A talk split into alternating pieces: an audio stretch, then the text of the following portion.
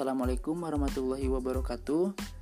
E, balik lagi di podcast kali ini saya akan e, menjawab pertanyaan di mana pertanyaannya ini bagaimana peran ekonomi Islam dalam mengatasi masalah kelangkaan sumber. Nah, jadi dalam Islam kelangkaan sumber daya itu pasti terjadi. Peran ekonomi Islam dalam mengatasi kelangkaan yaitu dengan mengupayakan penyelesaian atas penyebabnya dasar masalah yaitu masalah ketidakmerataan distribusi sumber daya secara alamiah, ketidakmampuan manusia serta potensi pertentangan antar tujuan hidup manusia. Salah satu masalah awal yang harus diperhatikan yaitu distribusi sumber daya karena hal ini yang menyebabkan terjadinya kelangkaan.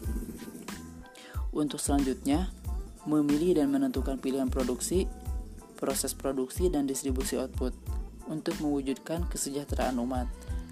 E, mungkin hanya itu. Wassalamualaikum warahmatullahi wabarakatuh.